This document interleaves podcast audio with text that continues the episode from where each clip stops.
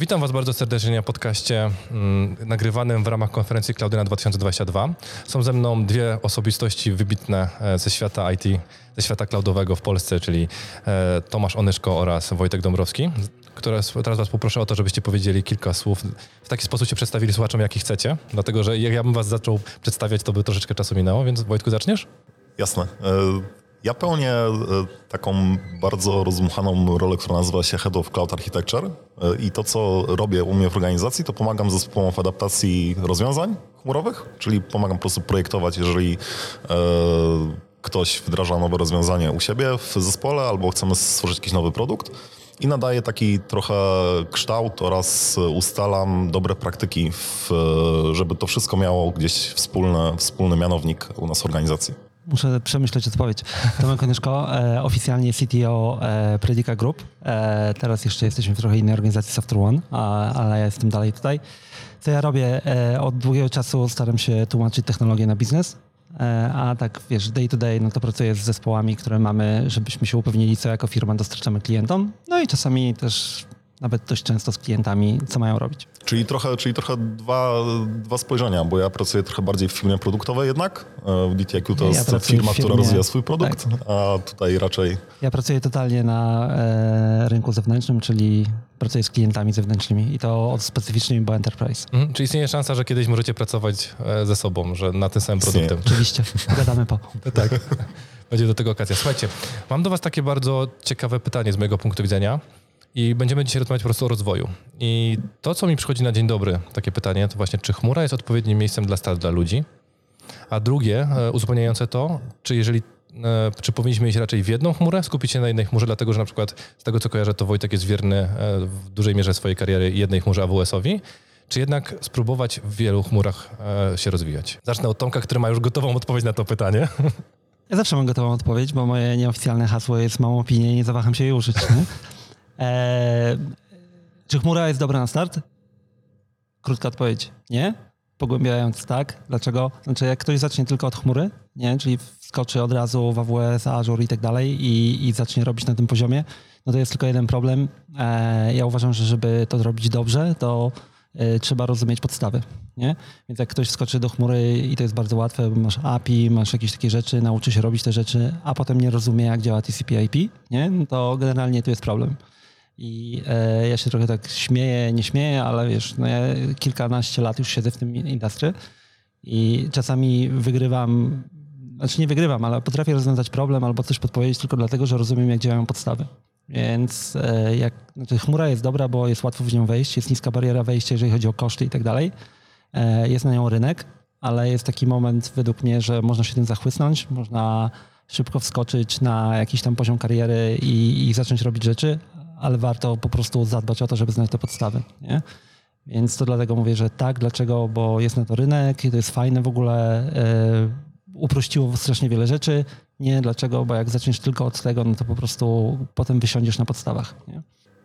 Ja się zgadzam, ale dodałbym do tego jeszcze to, że yy, chmura jest bardzo fajnym fajną, fajną technologią do tego, żeby wspomagać nasze rozwiązania. Czyli jeżeli my na przykład wiemy, e, w jaki sposób rozwiązać jakiś problem biznesowy, to chmura bardzo często nam dostarcza takie building bloki, które nam pozwalają już to wdrożyć i temu zaistnieć. Natomiast jeżeli my się nie nauczymy najpierw rozwiązywać problemów biznesowych i w ogóle rozumieć, co my chcemy dostarczyć, no to ta chmura będzie trochę bezużyteczna. E, więc e, myślę, że podstawę to jest jedno pod kątem działania na przykład usług sieciowych, to jak najbardziej.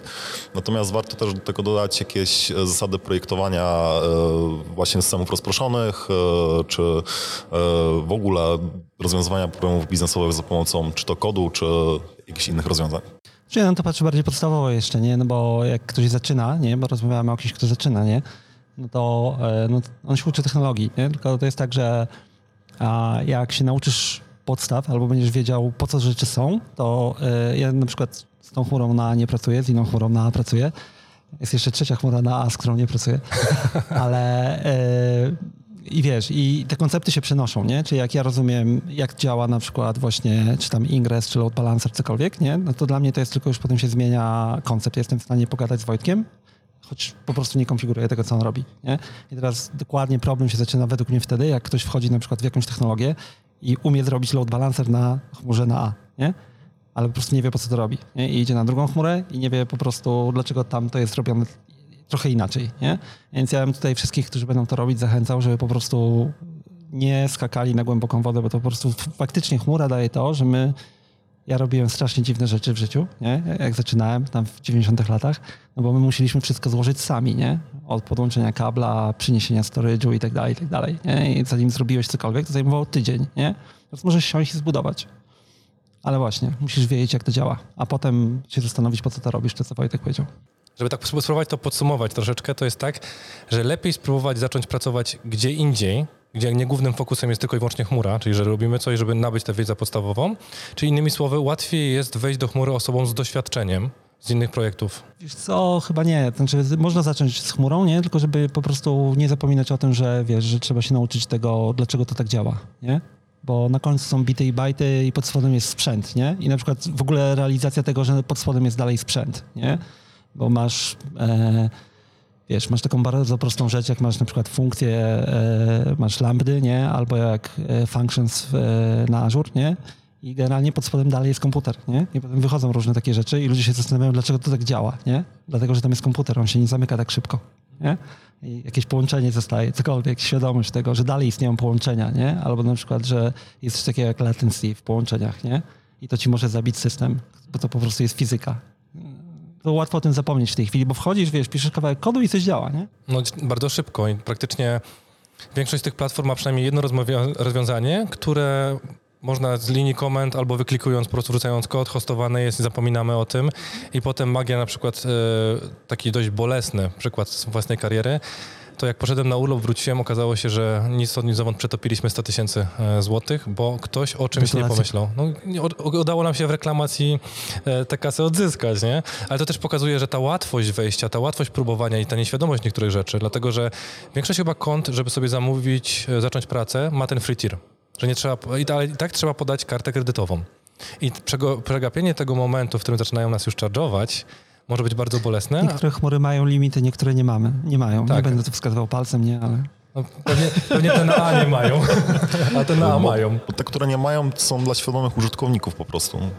No ale to wiesz, biorąc, pociągnijmy trochę to pytanie, bo jak, ja mam podobne wrażenie, że e, każda z tych chmur ma inny smak. I ten smak jest związany z tym, co możemy, czego nie możemy i w jaki sposób możemy konfigurować. Tu się nie zgadza, ale... No ja mam takie po prostu wrażenie, że e, jakby w, chmurze na A od Microsoftu jest e, więcej takich ścieżek ustalonych. Mm, wiesz co, e, ja kiedyś robiłem taką prelekcję, zresztą na chyba poprzedniej Klaudynie, albo ten, ale generalnie wiesz, co to jest chmura, nie? Bo to się trochę nam idzie w innym kierunku rozmowa, ale pociągnijmy. Co jest chmura? Chmura to jest bardzo prosta rzecz. To jest compute, storage i model billingowy. I to od tego się wyciąga wszystko, nie? Bo jak weźmiesz sobie usługę typu data lake, cokolwiek, nie? Compute, storage, model billingowy, nie? Functions, lambdy. Na końcu też po prostu to jest tak proste, nie? I teraz jest pytanie, co na tym budujesz i jak, nie? I e, moja opinia, znowu, nie? Jest taka, że technicznie i technologicznie wszystkie chmury dążą do e, tego samego, nie? Czyli możemy sobie powiedzieć, że w tej chwili, wiesz, AWS wystartował 7 lat szybciej, nie? E, czy tam 8, e, dociągnął jakieś usługi. Teraz Azure może mieć te usługi później, Google ma inne, będzie miał może jeszcze później, nie? Tylko na przykład różnica jest taka, że AWS startował bardziej w stronę startups i tak dalej. Microsoft, ponieważ miał swoją niszę, to wyeksploitował enterprises, nie? Ale technologicznie na końcu te wszystkie chmury dadzą ci to samo. Nie? Teraz jest pytanie, która lepiej pasuje do twojego biznesu, poziomu użycia.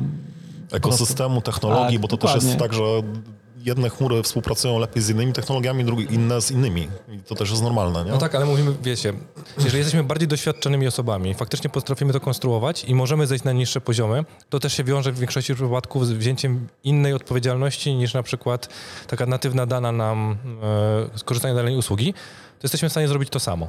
Ale w momencie, w którym na przykład hipotetycznie mamy architekta, który składa z gotowych building bloków i nie schodzimy na poziom infrastruktury budowania na VM-kach czegokolwiek hostowania, no to mamy różne sposoby podejścia do rozwiązania problemu. Są szczegóły implementacyjne, serio. To jak popatrzysz, to po prostu masz e, te same building bloki, inaczej się nazywają, inaczej je może składasz, nie? Ale to jest na końcu podobne, nie? Tylko no niektóre po prostu, wiesz, na przykład AWS może mieć to dalej pociągnięte, bo szybciej zaczął, nie? Na przykład serverless i okolice, nie? ale Microsoft na przykład może mieć, to bardzo dobrze widać, no, bo ja też sobie tak mówię, wiesz, co jest, bo każdy ma swoją chmurę z nich, nie? Co jest następne, nie? Następne jest chmura innych ludzi, nie? E, bo to jest biznes modelu tych, tych firm, nie? I teraz popatrz, na przykład AWS idzie za chmurą innych chmur w zakresie zarządzania, e, Kubernetesem i tak dalej, EKS Everywhere i tak dalej, nie? Microsoft idzie za chmurą innych chmur w kwestii bezpieczeństwa i zarządzania, nie? Bo mówię, dla mnie to, to jest naprawdę, to jest to są podobne. Oczywiście, wiesz, to już jest kwestia dyskusji na temat, kto jest lepszy tutaj, jak ma lepiej zrobione, nie? AWS ma wiele rzeczy lepiej zrobionych, w szczególności dokumentację i nazwy produktów, nie? E, ale na końcu jesteś w stanie zrobić to samo na każdej z nich. I teraz dlaczego robisz na tej, a, na, a nie na innej, to to już jest kwestia różnych innych czynników według mnie, nie? No to to jest to, co powiedział tak naprawdę Bartek, że te chmury mają swoje smaki trochę Y, i bardzo dużo rzeczy, które, znaczy ogólnie moim zdaniem y, chmura na A i chmura na A są spójne w swoim podejściu, ale ono jest specyficzne po prostu.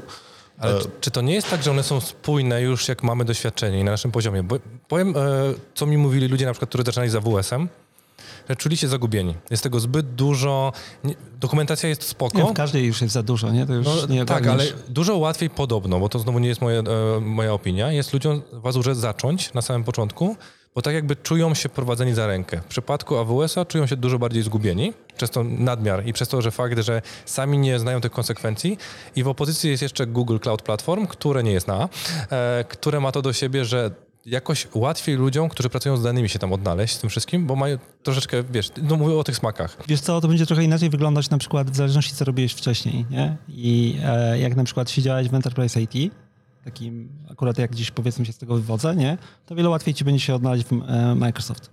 Dlaczego? Bo e, Microsoft zbudował tą chmurę od strony Enterprise IT. Połączenia z on-premises i tak dalej, nie? Jak właśnie e, robiłeś bardziej w stronę startupów, zaczynałeś od takich rzeczy, no to wszyscy się po prostu, jak AWS już był w, tym, w tej kwestii mature, to Microsoft jeszcze tam nie był. Nie? I to było takie toporne i tak dalej. Nie? Więc generalnie my zaczynaliśmy w 2014 roku z chmurą i generalnie ustalmy, Azure wtedy nie działał. Nie? E, a na przykład GCP, wiesz, to, to faktycznie, bo oni wyszli z danych. I teraz jak nie miałeś wcześniejszych doświadczeń i po prostu wejdziesz w którąś z nich, to to będzie dla ciebie naturalne, tak czy inaczej. Nie? To jest tylko bardziej, jakie miałeś wcześniejsze doświadczenia, e, wyrobiłeś. Nie? I właśnie mam ten tak w głowie, wiesz, zakodowane teraz, że jak osoby nie mają doświadczenia i starają się zacząć, to mogą sobie zrobić kuku, krzywdę, idąc w złym kierunku. Znaczeniu, wiesz, pójdę na przykład jako osoba z zerowym doświadczeniem na, na studiach do AWS-u i stwierdzę, że chmury w ogóle nie są dla mnie, bo poczułem się zagubiony w jednej, bo na przykład Tomek razem z, z tym, e, z Tomkiem i, albo inne osoby, albo z Michałem mówili, że one są te same, że nie ma różnicy i tak dalej. Ja mam tu właśnie troszeczkę taki, taki, taki dystans, taki problem z tym wszystkim. Dla osób niedoświadczonych jest też banalna kwestia, czyli na przykład czytelność portalu yy, w, internetowego. Bo, bo tak naprawdę no, osoby niedoświadczone, które pierwszy mają styczność pierwszy raz z chmurą, to nie korzystają z, zazwyczaj yy, z wiersza poleceń, tylko z jakiego, jakiegoś portalu.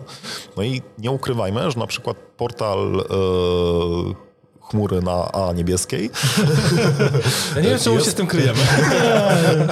E, Brak lokowania produktu. jest, jest, jest w zasadzie bardziej czytelny i to jest dla mnie fakt. E, Portal AWS-owy jest mniej czytelny, bo tam, żeby wiedzieć, co klikać, to trzeba wiedzieć, co, co, co chcemy wyklikać, a w Azurze to jest bardziej intuicyjne.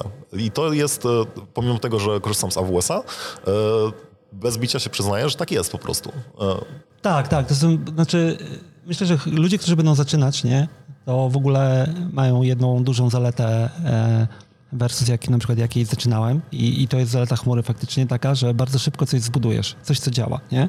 Czyli generalnie dosłownie w godzinę czy dwie jesteś w stanie zrobić coś, co działa. Wcześniej to było naprawdę trudne. Teraz faktycznie to jest trochę już takie, ale to są już szczegóły według mnie i to jest bariera wejścia, nie? Bo taka ba- bardzo prosta rzecz, nie? No, jak wchodzisz w AWS, nie? Już przestajemy z tymi chmurami na ale no to musisz, wiesz, zaczynasz, zakładasz account, nie? Potem zawsze zaczynasz od VPC i okolic, nie? Więc generalnie od razu wchodzisz w networking i tak dalej, nie? Na, e, na Azure, nie? Zaczynasz od tego, że właśnie masz portal, nie? Tworzysz resource grupę i masz taką piaskownicę, nie? I zaczynasz na przykład klikasz i mówisz maszyna wirtualna i tam się już tworzy sieć, tego typu rzeczy, więc faktycznie jest bardziej może prościej tak jakby ogarnąć, że nie musisz zacząć od tego stwórz sieć, nie? Tylko mówisz, ok, to stwórz maszynę, nie? Albo coś tam. E, No a potem to już jest kwestia, e, także myślę, że to nie jest aż tak trudne, bo e, na przykład ja na przykład uważam, że AWS ma o wiele lepiej zrobioną dokumentację, taką entry, nie? I, to jest po prostu wejdź i zbuduj coś, nie? I potem to pociągnij. W szczególności jak zaczynasz, naprawdę nie jesteś w stanie ogarn- ogarnąć, czy to będzie lepsze dla twoich zastosowań, czy nie, bo po pierwsze, że nie wiesz, jakie te zastosowania są, nie? Rynek na, jest taki sam, więc gdziekolwiek zaczniesz, to e, znajdziesz zatrudnienie i tak dalej, nie? I jedna nie blokuje drugiej, nie? Czyli generalnie poznasz Azure, chcesz potem zmienić na AWS, go ahead. No do tego są potrzebne, jest zrozumienie tych podstaw, nie? Żeby tak naprawdę zmienić e, chmurę pomiędzy sobą, no to warto jednak te podstawy zrozumieć to, o czym mówiłeś. E, Podstawy to jest jedno, ale drugie to te usługi chmurowe tak naprawdę, które są, one rozwiązują konkretne problemy. I to też warto wiedzieć, jakie to są te problemy, żeby później dopasować odpowiednią usługę, odpowiednią chmurę do odpowiedniego problemu, który chcemy rozwiązać. Tym bardziej, że jest przeważnie więcej niż jedna usługa rozwiązująca jeden problem. Dokładnie tak. I wiele in- integracji różnych Tak, usług, tak, które tak, rozwiązują tak. konkretną klasę problemów. No lub brak integracji, bo nie wszystkie też łatwo się ze sobą integrują. Nie, wiesz, to, to bardziej jest to, że tylko y, jeżeli to będzie słuchał ktoś, kto zaczyna, to niech po prostu się tym nie zajmuje, nie? No bo, e, znaczy chodzi mi, żeby się nie blokować, nie? No bo to jest tak, że powiedzmy chcesz zrobić aplikację, już trzymając się Azure, nie? I ktoś ci powie, zrób aplikację na kontenerach, nie? I teraz kontener jako sposób pakowania aplikacji to jedno, nie? Potem masz jak go hostujesz, nie? I jest cztery albo pięć sposobów, w jaki możesz to zrobić na tym Azure, nie? Możesz po prostu zrobić kontener, podpiąć go pod web web appę, możesz postawić AKS-e jako cluster Kubernetesa i tak dalej. Masz container apps, to jest taki serverless e, Kubernetes, nie? Więc generalnie wiesz, jak ktoś zacznie się nad tym zastanawiać, nie? To nie, to zrozum po co masz kontener, jak on działa, nie? Zrozum tam jakieś podstawy, uruchom to, zobacz, nie? I nie blokować się na tym. Dopiero potem jest, ok, no to dlaczego tak, a nie inaczej, to już jest trochę wyżej, nie? Bo to jest kwestia modeli billingowych, skalowania, za co odpowiadasz. Właśnie, nie? Więc na początku bym się po prostu nie blokuj się, spróbuj wszystkiego po trochę. Jak kiedyś robiłem swój, w swoim podcaście, autopromocja, e, rozmawiałem z Adamem Marczakiem, pozdrawiamy. I Adam powiedział, że on po prostu robi to bardzo prosto. Dla każdej usługi, która wychodzi, e, przechodzi przez tutorial. Nie? Ten taki najprostszy tutorial. No ale Adam już nawet na swoim kanale YouTube'owym chyba wszystkie możliwe usługi przetrzepał z góry na dół. No tak, ale na poziomie takiego tutoriala Mhm, też, nie? tak. Ale to o to chodzi, że on po prostu patrzy na to, że najpierw bierze ten tutorial, dotyka tego, patrzy co to jest, a potem się zastanawia, bo w którym momencie może tego użyć, nie? A nie najpierw się zastanawia, która z nich, nie? Ciekawe, że ma taką ściągę. Gdzieś taką... Pewnie, że ma. Każdy ma Mm. jakąś. Tych usług jest na tyle dużo, że No i wiem, że już w pewnym momencie też zajmujemy się tym, żeby je katalogo- ten, katalogować. Nie? tak. Poza tym, poza tym jednak te problemy są powtarzalne, które rozwiązujemy jednak u siebie. Eee, Prawda. Znaczy One zawsze. mają, one, one mają pewne swoje paterny. Tak samo jak w programowaniu są wzorce projektowe, tak samo są tak naprawdę wzorce projektowe w projektowaniu usług chmurowych, powiedzmy. I bardzo często widzimy podobne paterny, które się pojawiają. No i tutaj warto mieć jak, pod ręką różnego rodzaju takie reference architecture. W AWS jest tego całkiem sporo. I warto po prostu przejrzeć materiały, tak naprawdę, które są wyprodukowane przez konkretnego dostawcę chmury. I tam mam odpowiedzi na wiele pytań, które nam się pojawią podczas projektowania. I tu, tu wracamy do podstaw, nie? Bo e, na przykład ja uważam, że każdy powinien przejść przez dwie rzeczy, nie? Czyli przeczytać takie coś, co się nazywa akurat w Microsoftie, ale w AWS-ie też Cloud, e, CAF, Cloud Adoption Framework, nie? Który się wydaje, że to jest tam kobyła, bo tam jest dużo takich ryzyka i tak dalej, ale serio. A druga na przykład jest coś takiego jak Cloud Design Patterns, nie? To taki się nazywa ten artykuł w Microsoftie, nie? I tam są design patterns, nie? Co to jest circuit breaker? Co to jest to? Co to jest to? Nie? Bo jak rozumiesz, co to jest circuit breaker i po co, to potem to już jest naprawdę, pomijając, że to jest zaawansowany temat. I... Tylko znowu, to w sumie tak, tak naprawdę nie są e, wzorce projektowe dotyczące samych chmur. Nie, One nie, nie, to właśnie- ogólne to- są, tak. dlatego mówię, to są takie ogólne wzorce, nie? Ale tam jest opisane Dlatego, jeszcze jakieś dlatego, specyfika. dlatego też wchodzimy, znowu wracamy do tego tematu, że zanim tak naprawdę z chmurą, to trzeba poznać te problemy, które w ogóle są na przykład w systemach rozproszonych, nie? bo to wtedy wiemy, jakie usługi e, chmurowe rozwiązują nam te problemy, które chcemy rozwiązać. To wcale nie ułatwiliśmy naszym słuchaczom. Nie, najlepiej jest zacząć, wiesz co, najlepiej jest zacząć, nie blokować się, nie, e, tylko e, tworząc te rzeczy, bo mówię, no, ja widzę coś takiego, że jest bardzo łatwo się zachłysnąć tym, że robisz rzeczy, nie? I budujesz coraz większe rzeczy, tylko potem w którymś momencie dojdziesz do problemów w tych rzeczach, jak nie będziesz rozumiał, dlaczego one tak działają, to nie będziesz umiał ich rozwiązać, nie? I tak idąc, e, ten drugie moje pytanie. Czy jest sens w takim razie od razu skakać na głęboką wodę i na przykład operować w multicloudzie, czyli jednocześnie uczyć się AWS-a i Azura, żeby mieć to porównanie, czy lepiej specjalizować się w jednym kierunku, bo nie wiem, ile jest takich projektów, które faktycznie korzystają z multiclouda w jednym momencie.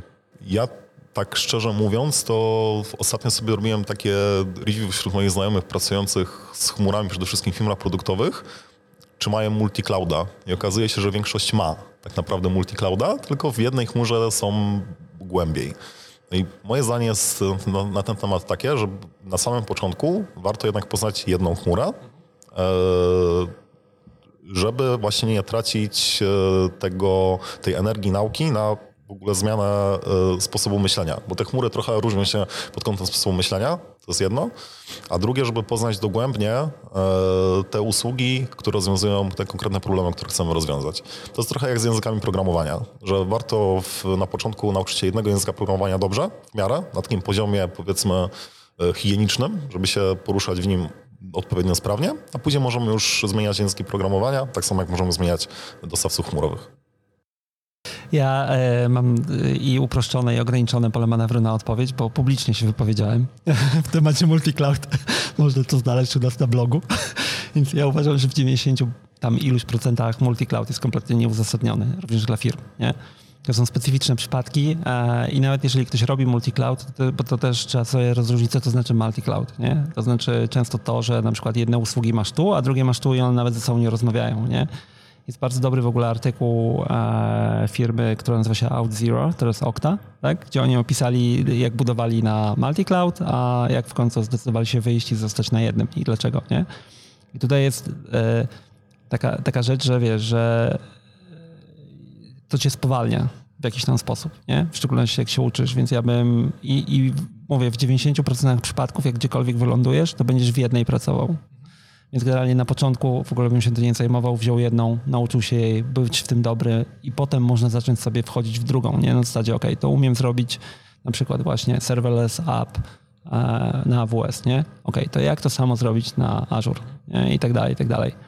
E, ale w większości wypadków ludzie nie będą robić multi-cloud. Czyli to też jest zależne od tego, do jakich firm startujemy i w jakim mamy środowisku, dlatego że na przykład na Śląsku może się okazać, że firm AWS-owych jest pięć. Znaczy teraz strzelam, bo nie, nie robiłem badania, więc to też nie będzie miało sensu, jeżeli chcemy tutaj pracować, żeby uczyć się AWS-a, bo możemy też pracy nie dostać. Na tej zasadzie to funkcjonuje. Myślę, że tu nie ma zagrożenia, ale, znaczy, ale ja wiem, że jest skupiłbym się na jednej. Tak. tak. E, multi-cloud to jest fajny buzzword, ładnie brzmi i tak dalej. W praktyce to jest strasznie ciężkie. Nie? Tylko właśnie znowu pytanie, co to znaczy multi-cloud, nie? Tak, Czy tak, tak. właśnie to, to, w ogóle musimy musielibyśmy zdefiniować tak naprawdę. Wiesz co, bo są, są różne podejścia, nie? I e, e, jak ktoś myśli multi-cloud, to wiele osób w ogóle myśli, że będzie robić rozwiązania, które są równocześnie w dwóch chmurach i to jest generalnie abstrakcja, nie? Będziemy dwa razy płacić za to samo na wypadek, nie, gdyby jedna jest, chmura upadła. Wiesz co, to, jest, to jest ciężkie z tego powodu, że e, wtedy tak naprawdę sprowadzasz to do najniższego wspólnego mianownika, nie? Czyli musisz robić tak, że i wtedy jak jedna chmura rusza się szybciej, nie? a druga nie, to i tak jesteś uwiązany tutaj, nie? bo na przykład... Czyli najłatwiej do wijemek. No, tak, tak, tak. I to się tak kończy, nie? Albo robisz drugą stronę i tutaj z niektórymi ludźmi, którzy są na konferencji, można o tym pogadać, czyli na przykład budujesz warstwę abstrakcji, nie? Tylko teraz budowanie warstwy abstrakcji, żeby się... Bardzo prosty przykład, na przykład, wiesz, wiem, że jeden z kolegów, który je zrobił, mieli warstwę abstrakcji nad kolejkami, nie? Żeby nie być przypiętym do konkretnej implementacji kolejek, nie? Tylko tak naprawdę, i mogli ją te kolejki pod spodem wymieniać jak chcą, nie? Ale tak naprawdę to, co robią, no to nadbudowują cały czas warstwę abstrakcji nad featureami wszystkich chmur po kolei. Więc tak naprawdę tracą cykle, gdzie mogliby już robić coś innego, nie? O wiele częstszy jest taki pattern, że jedna firma, ale to w większości duże, mają po prostu design patterns, tak jak Wojtek powiedział, e, że mają, wiesz, po prostu to rozwiązanie na AWS-ie, to rozwiązanie na Azure, to rozwiązanie na GCP. Nie? I teraz duże firmy, takie z którymi ja tam gdzieś pracuję, Enterprise, to one tak naprawdę podejmują te decyzje z różnych powodów, na przykład finansowych, nie? że alokują 60% resursów w Azure, a 40% w AWS-ie. A w przyszłym roku wynegocjują lepsze deale i generalnie poprzenoszą to. Nie? Ale, a trzeci, trzeci taki pattern, który ja widzę, to jest dokładnie e, cherry picking, nie? Czyli ja znam taką firmę, która infrastrukturę, aplikację ma na AWS, nie? Ale na przykład data services ma na Azure. Dobra, to ja chyba uzyskałem odpowiedzi na wszystkie pytania, które mnie potencjalnie nurtowały. Bazując na tym, co usłyszałem, to chyba najłatwiej będzie zacząć w, AWS-ie. tak biorąc pod uwagę naszych... Nie, no żartuję. Cokolwiek. Cokolwiek na sam się tak. i, i pojechać i, i, tam, gdzie masz zasoby też, nie? I dostęp, to jest... Ja sobie jeszcze pozwolę podlinkować te artykuły, o których wspomniałeś. Dobrze. Tak będzie też dobrze dla ludzi i dla naszych uczestników, żeby Nie ma sprawy. Forma promocji dodatkowej. Jakbyście, jakbyście szukali specjalistów, to tutaj mam takich dwóch do wynajęcia. Jeden mniej do wynajęcia, drugi bardziej.